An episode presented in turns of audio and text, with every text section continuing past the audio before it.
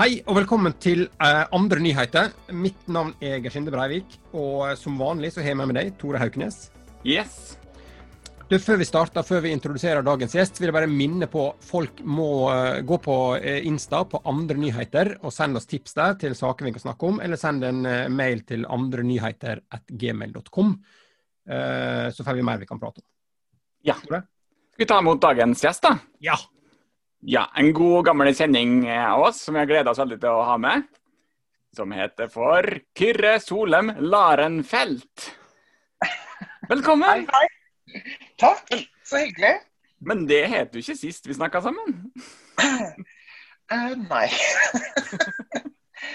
det gjorde jeg ikke. Jeg het uh, Turi den gangen. Nei da. nei, jeg het uh, Larsen før. Ja. Men altså, det er egentlig veldig tilfeldig at jeg heter det. Skal jeg fortelle hvorfor? Ja. Eh, Jeg satt med min mor en lørdag kveld på telefon og drakk litt rødvin. Og så begynte vi å prate om etternavn, og så sier jeg sånn Fy fader, Larsen, dritkjedelig etternavn. Og så sier hun også sånn Ja, det er jo ingen som heter det lenger. Faren min er død, og søsteren min heter det ikke, broren min heter det ikke. Det er ingen som heter det lenger. Og så sier jeg da sånn Nei, jeg kunne tenkt meg å bytte, jeg, jeg heter Larenfelt. Og så sier moren min Å, fy fader, det var et innmari fint etternavn. Og så sier hun sånn Ja, kan du hete det, da? sier hun. Så jeg du vet, skal jeg gå inn på folkeregisteret, skal jeg sjekke. Og så gjorde jeg det, da. I rødvinsrus og greier. Og der kunne du da liksom fylle Da jeg fylte inn skjema og alt, trykket send. Og dagen etter eh, så husket jo ikke jeg noen ting. Og så gikk det en uke, så kom det brev i postkassa som det sto Kyrre Solem Larenfelt. Og så tenkte jeg dette var veldig pussig. At noen skulle ha funnet det, liksom. Funnet liksom at jeg hadde lyst til å bytte til det. Og så åpner jeg det, og så er det fra folkeregisteret, og så står det sånn Ditt navnebytte er godkjent, og ditt nye navn er nå Kyrre Solem Larenfelt. Og så sier jeg det til moren min, da. Så sier jeg sånn Herregud, husker du når vi satt der og røra liksom i rødvinsrus? Jeg sa jeg bytta etternavn. Så nå får du gjøre det òg. Og da sier hun til meg nei, jeg vil ikke bytte, sier hun. Jeg vil ikke hete Larenfelt. Høres ut som Hun bare sånn nei, det vil jeg ikke hete. Nei. Så nå er det bare jeg som heter det. Bare jeg i hele Norge, hele verden, som heter Laren. Så snakk om å føle seg som outsider. Jeg tror, jeg, kunne, jeg tror også det sto at jeg ikke kunne bytte før det hadde gått to år eller noe sånt. Altså kan, vi, kan, vi kan bare si da til uh, de som ikke kjenner til Kyrre Solheim Larenfelt, at uh, vi, vi møttes Jeg og du møttes faktisk på standup-kurs, uh, Kyrre. Gjorde ikke vi det? Vi var på samme Eh, kurs. jo. Jo, stemmer det. Og det var helt tilfeldig, for det, jeg ble tipsa om det kurset av broren min. For broren min skulle lage en film om en som var på det kurset, og det var du. Ja, det var meg, ja. Stemmer. Og da Um, skal vi tilbake i tid, skal vi ikke? jo, det er vel i Før Nei, korona. Ja, før korona, ja. Så det er veldig lenge siden. Det var, dette var i 2003, tror jeg. Ja, det kan stemme.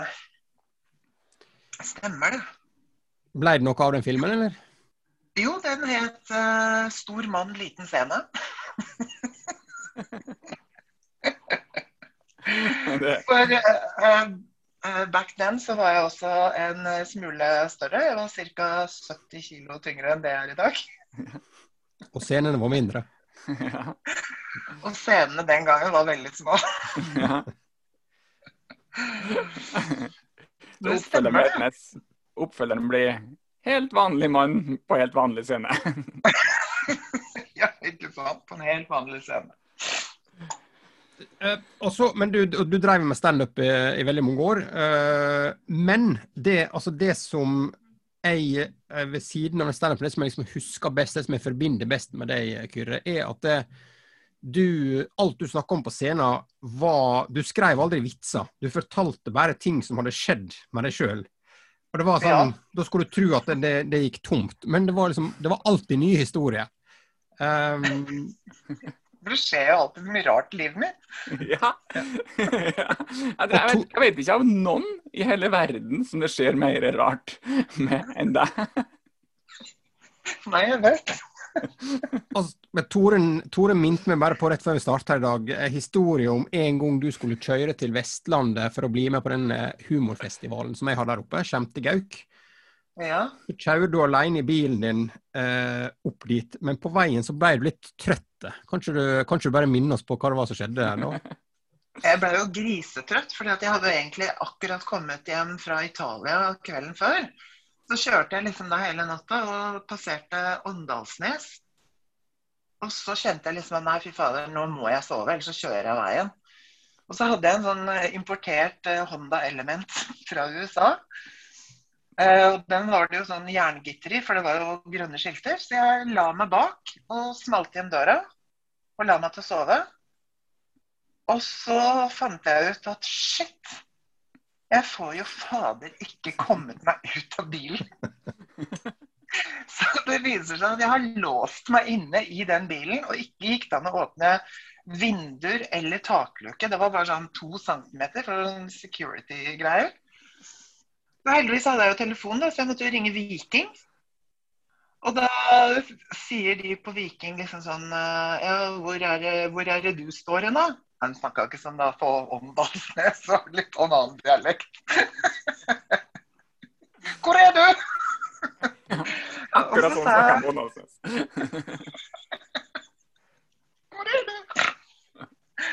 Og så sa jeg liksom nei, for jeg veit ikke hvor jeg er. Altså, jeg er et sted mellom Åndalsnes og Ålesund. Jeg står langs fjorden. Kan ikke være så vanskelig det. Jeg har jo fjord på høyre side. Og da sa han fyren ja, det er nå faen meg fjord fra, helt fra Åndalsnes til Ålesund. Men jeg begynner å kjøre, så finner det sikkert. Og så gjorde han jo det, da. Han kom jo ut, og så hørte jeg han liksom stoppa bak bilen. Og så kom han og bare åpna, så sa han sånn vær så god. Nå er det åpent. Syns også å huske at du hadde parkert en plass der ikke bilen skulle synes fra veien, for at du ikke skulle bli forstyrra når du sov. Stemmer ikke det? Eh, Jo. Bare for å gjøre det ekstra lett å finne deg.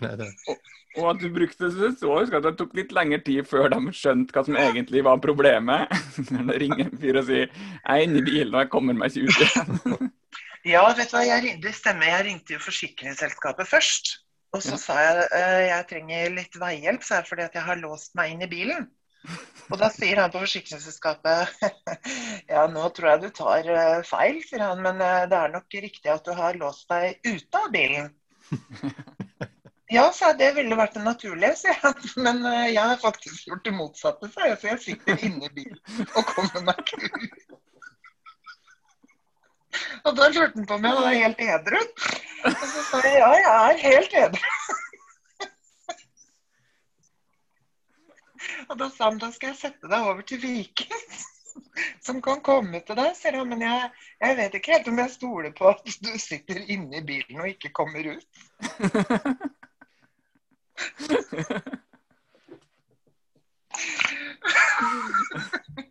Jeg er sikker på at han fortalte en sånn, denne historien på julebordet sitt. Altså. Ja. Forteller den sikkert hvert år. Hvert år sånn gjenganger på Viking. Fortell en historie om han fyren som låste seg inn bak i bilen igjen. Så.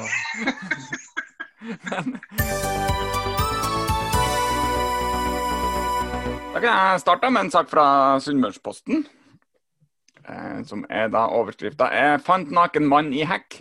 Ramla av sykkelen'. Dramatikk i morgen, morgentimene i Sykkelvenn, selvfølgelig. Ikke hver dag du finner en naken mann i hekken der.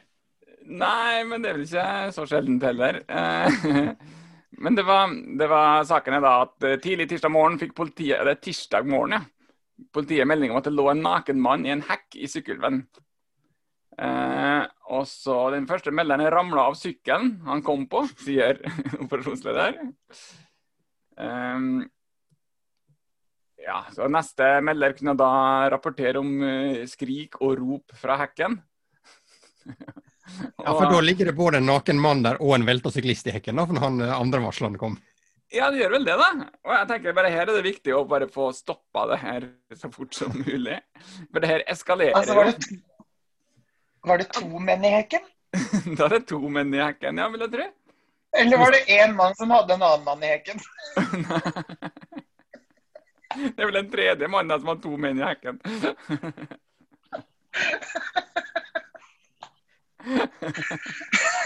Det er jo hekketid Ja, ja. på våren. Det er jo det. Så, det er så veldig sånn tegnefilm eller tidlig KLM å ramle av sykkelen når du ser en naken mann. Se for meg sånn Trond Kirkevåg-karakter som vingler nedover, så er det en naken mann i hekken som velter. Ja, Men da sitter de, de sitter ikke på sykkel, de sitter på sånn der, hva heter det, velosoped. ja, ja. ja. Men, men det står ikke noe om han Jeg, jeg bare tar, går, går ut fra at han som kom syklende og var naken. Eh, men eh, det ser jeg jo nå at det står ingenting i sak om, saken om det.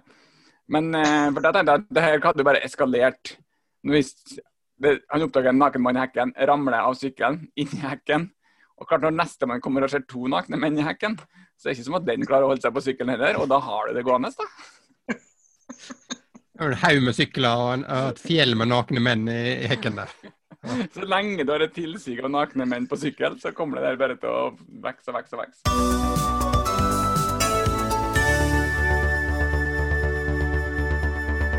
Dette er en sak fra Vikebladet, min lokalavis. Eh, og det er da eh, Kommunestyret på Hareid der diskuterer da en sak der eh, en pub på Hareid skal få prikker i skjenkeløyvet. For Der er nemlig skjenkekontrollen vår og sett en mann som har en rusa mann som dansa på dansegulvet. Hadde store problemer med å holde balansen. Sjangla når han dansa, og hadde problemer med å feste blikket.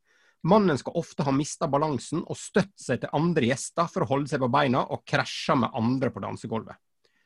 Eh, Så etter dansen så ble han da kasta ut, eh, og, og eh, skjenkekontrollen da har sendt inn klage til kommunen og sagt at disse her bør få prikker på skjenkeløyva si. Men så er det da en i kommunestyret på Hareid som, som prøver å argumentere med at kanskje ikke han var så fulle. Og da er overskrifta 'Kan det ha vært dårlig dansing'? Og da skal man, altså hvis gjestene danser dårlig, så skal de utestedet få prikk i, eh, i skjenkebevillinga si. Ja, det er det, er det han mener, da. At det er ikke, vi kan ikke gi dem prikker hvis de bare fordi gjestene er dårlige til å danse. Eh, for han, han sier da sitat her at det, det kan være vanskelig å vurdere hvor rusa folk er når de danser. Kanskje de bare er dårlige til å danse. Men jeg tenker at det ene utelukker ikke det andre. Jeg føler jo at jeg danser bedre når jeg har drukket, men det er jo ikke sikkert at det er tilfellet, nei. Nei, jeg føler jo at jeg danser bedre når jeg må støtte meg på de andre gjestene. Jeg er usikker på om liksom, den objektive oppfatninga er det samme. Føler du har gode moves, liksom, når du gnir deg inn på det. Ja. når andre gjester velter rundt deg. Ja, når de liksom må korrigere med å støtte til andre gjester. Herregud.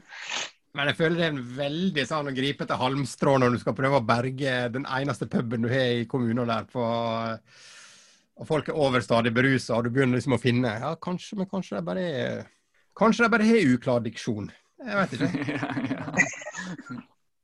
Kanskje de bare kaster Stakkar. opp også. Kanskje omgangssjuke. At de blir stoppa i døra og sånn. Nei, du kommer ikke inn her, du er for dårlig til å danse. Får danse en runde rundt kvartalet, så skal vi se.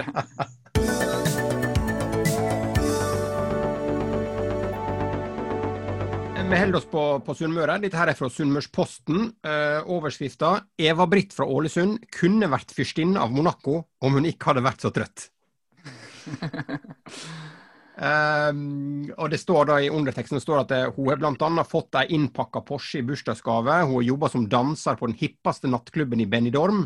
Levd luksuslivet på Rivieraen og opplevd karakterene fra TV-serien Exit i levende livet.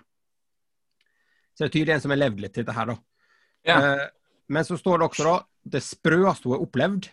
Kanskje da jeg var på nattklubb i Paris, havna på nabobordet til daværende prins Albert av Monaco. Etter hvert ble jeg invitert bort på hans bord. Det ble en trivelig kveld med god stemning. Livvakta hans kjørte meg hjem til hotellet, og da kom det en forespørsel om jeg ville bli med prinsens privatfly til Monaco om noen timer.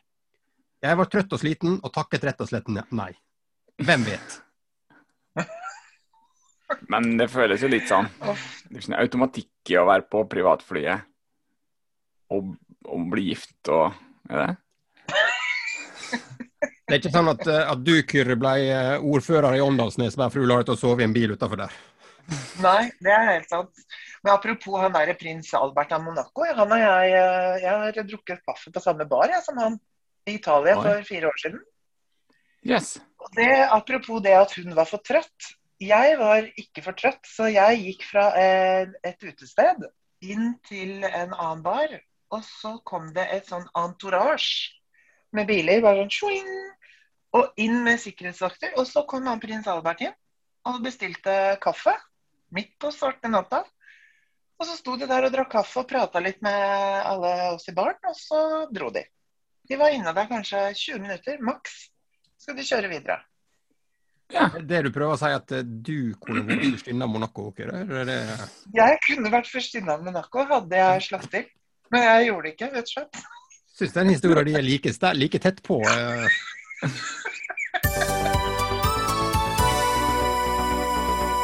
Vi kan bare en eh, liten sak til slutt her, fra um, en lokalavis sikkert i Valhalla. Jeg er usikker på hvilken lokalavis som er det, men i hvert fall uh, tydeligvis noen som har ringt inn eller sendt inn, da. Som er da 'Jeg mista skoskeia mi på strekninga Husflidshjørnet, Muritunet i Valldal lørdag 19.1. Lang og av raud plast. Ja, for hva får du ta med skoskeia di ut av huset først? Altså, Det er for å få på deg skoene, ikke det? Og så går det ingen som går rundt og ber på ei skoskei. Kanskje verdt å prøve noen sko da på Husflidshjørnet? Altså, og det andre tenker jeg også at eh, eh, ei skoskei i rød plast er vel kanskje det billigste produktet som er å få kjøpt eh, i butikker. Eh, både da og nå. Og den annons... på Ikea. Ja, jeg tenker at kanskje en annonse i avisa koster mer enn å kjøpe en ny skoskei i plast. Ja. Men Kanskje den var liksom gått inn? Kanskje den var liksom eh, hadde akkurat tilpassa seg hæren? Jeg vet ikke om jeg kan komme noe på det, altså, men eh, jeg data en gang en fyr eh, som eh, var veldig interessert i meg. Og i det vi skulle ut på, Han bodde på Grünerløkka, og idet vi skulle ut da, vi skulle ut, på, ut og spise middag, så driver han og tuller med meg og, og sånn idet jeg skal ta på meg mine pensko. Og han hadde eh, skoskei fra Georg Jensen og dytter til meg, og så tråkker jeg på det skohornet så det bøyer seg. Det bøyde seg jo helt. Og han ble rasende, han ble helt hysterisk rasende over at jeg hadde ødelagt den der jævla skoen hans fra Georg Jensen. Og da bare, Jeg ble så pint av latter at jeg bare sto så på fyren, og så sa jeg bare sånn Vet du hva, jeg tror ikke du og jeg kan date noe mer. Så sa jeg men jeg tror jeg går ut og spiser middag alene. Og etter det så har vi aldri snakka sammen. Han kommer seg ikke ut av leiligheten. Han får ikke på seg skoene.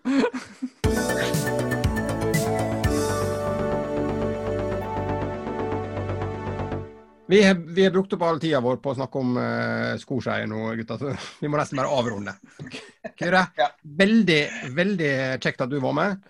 Jeg merker nå at det, du, uh, vi skal lage flere podkastepisoder med deg. For det her er masse å snakke om. Du skulle ha vært såpass kjent at avisene kunne ha skrevet om alt som skjer med deg. Du ville ikke tro hva som skjedde. Nei, men det er sant. Altså, ja, jeg får, bli, jeg får bare velge å bli kjendis, da. Hvor det Paradise neste?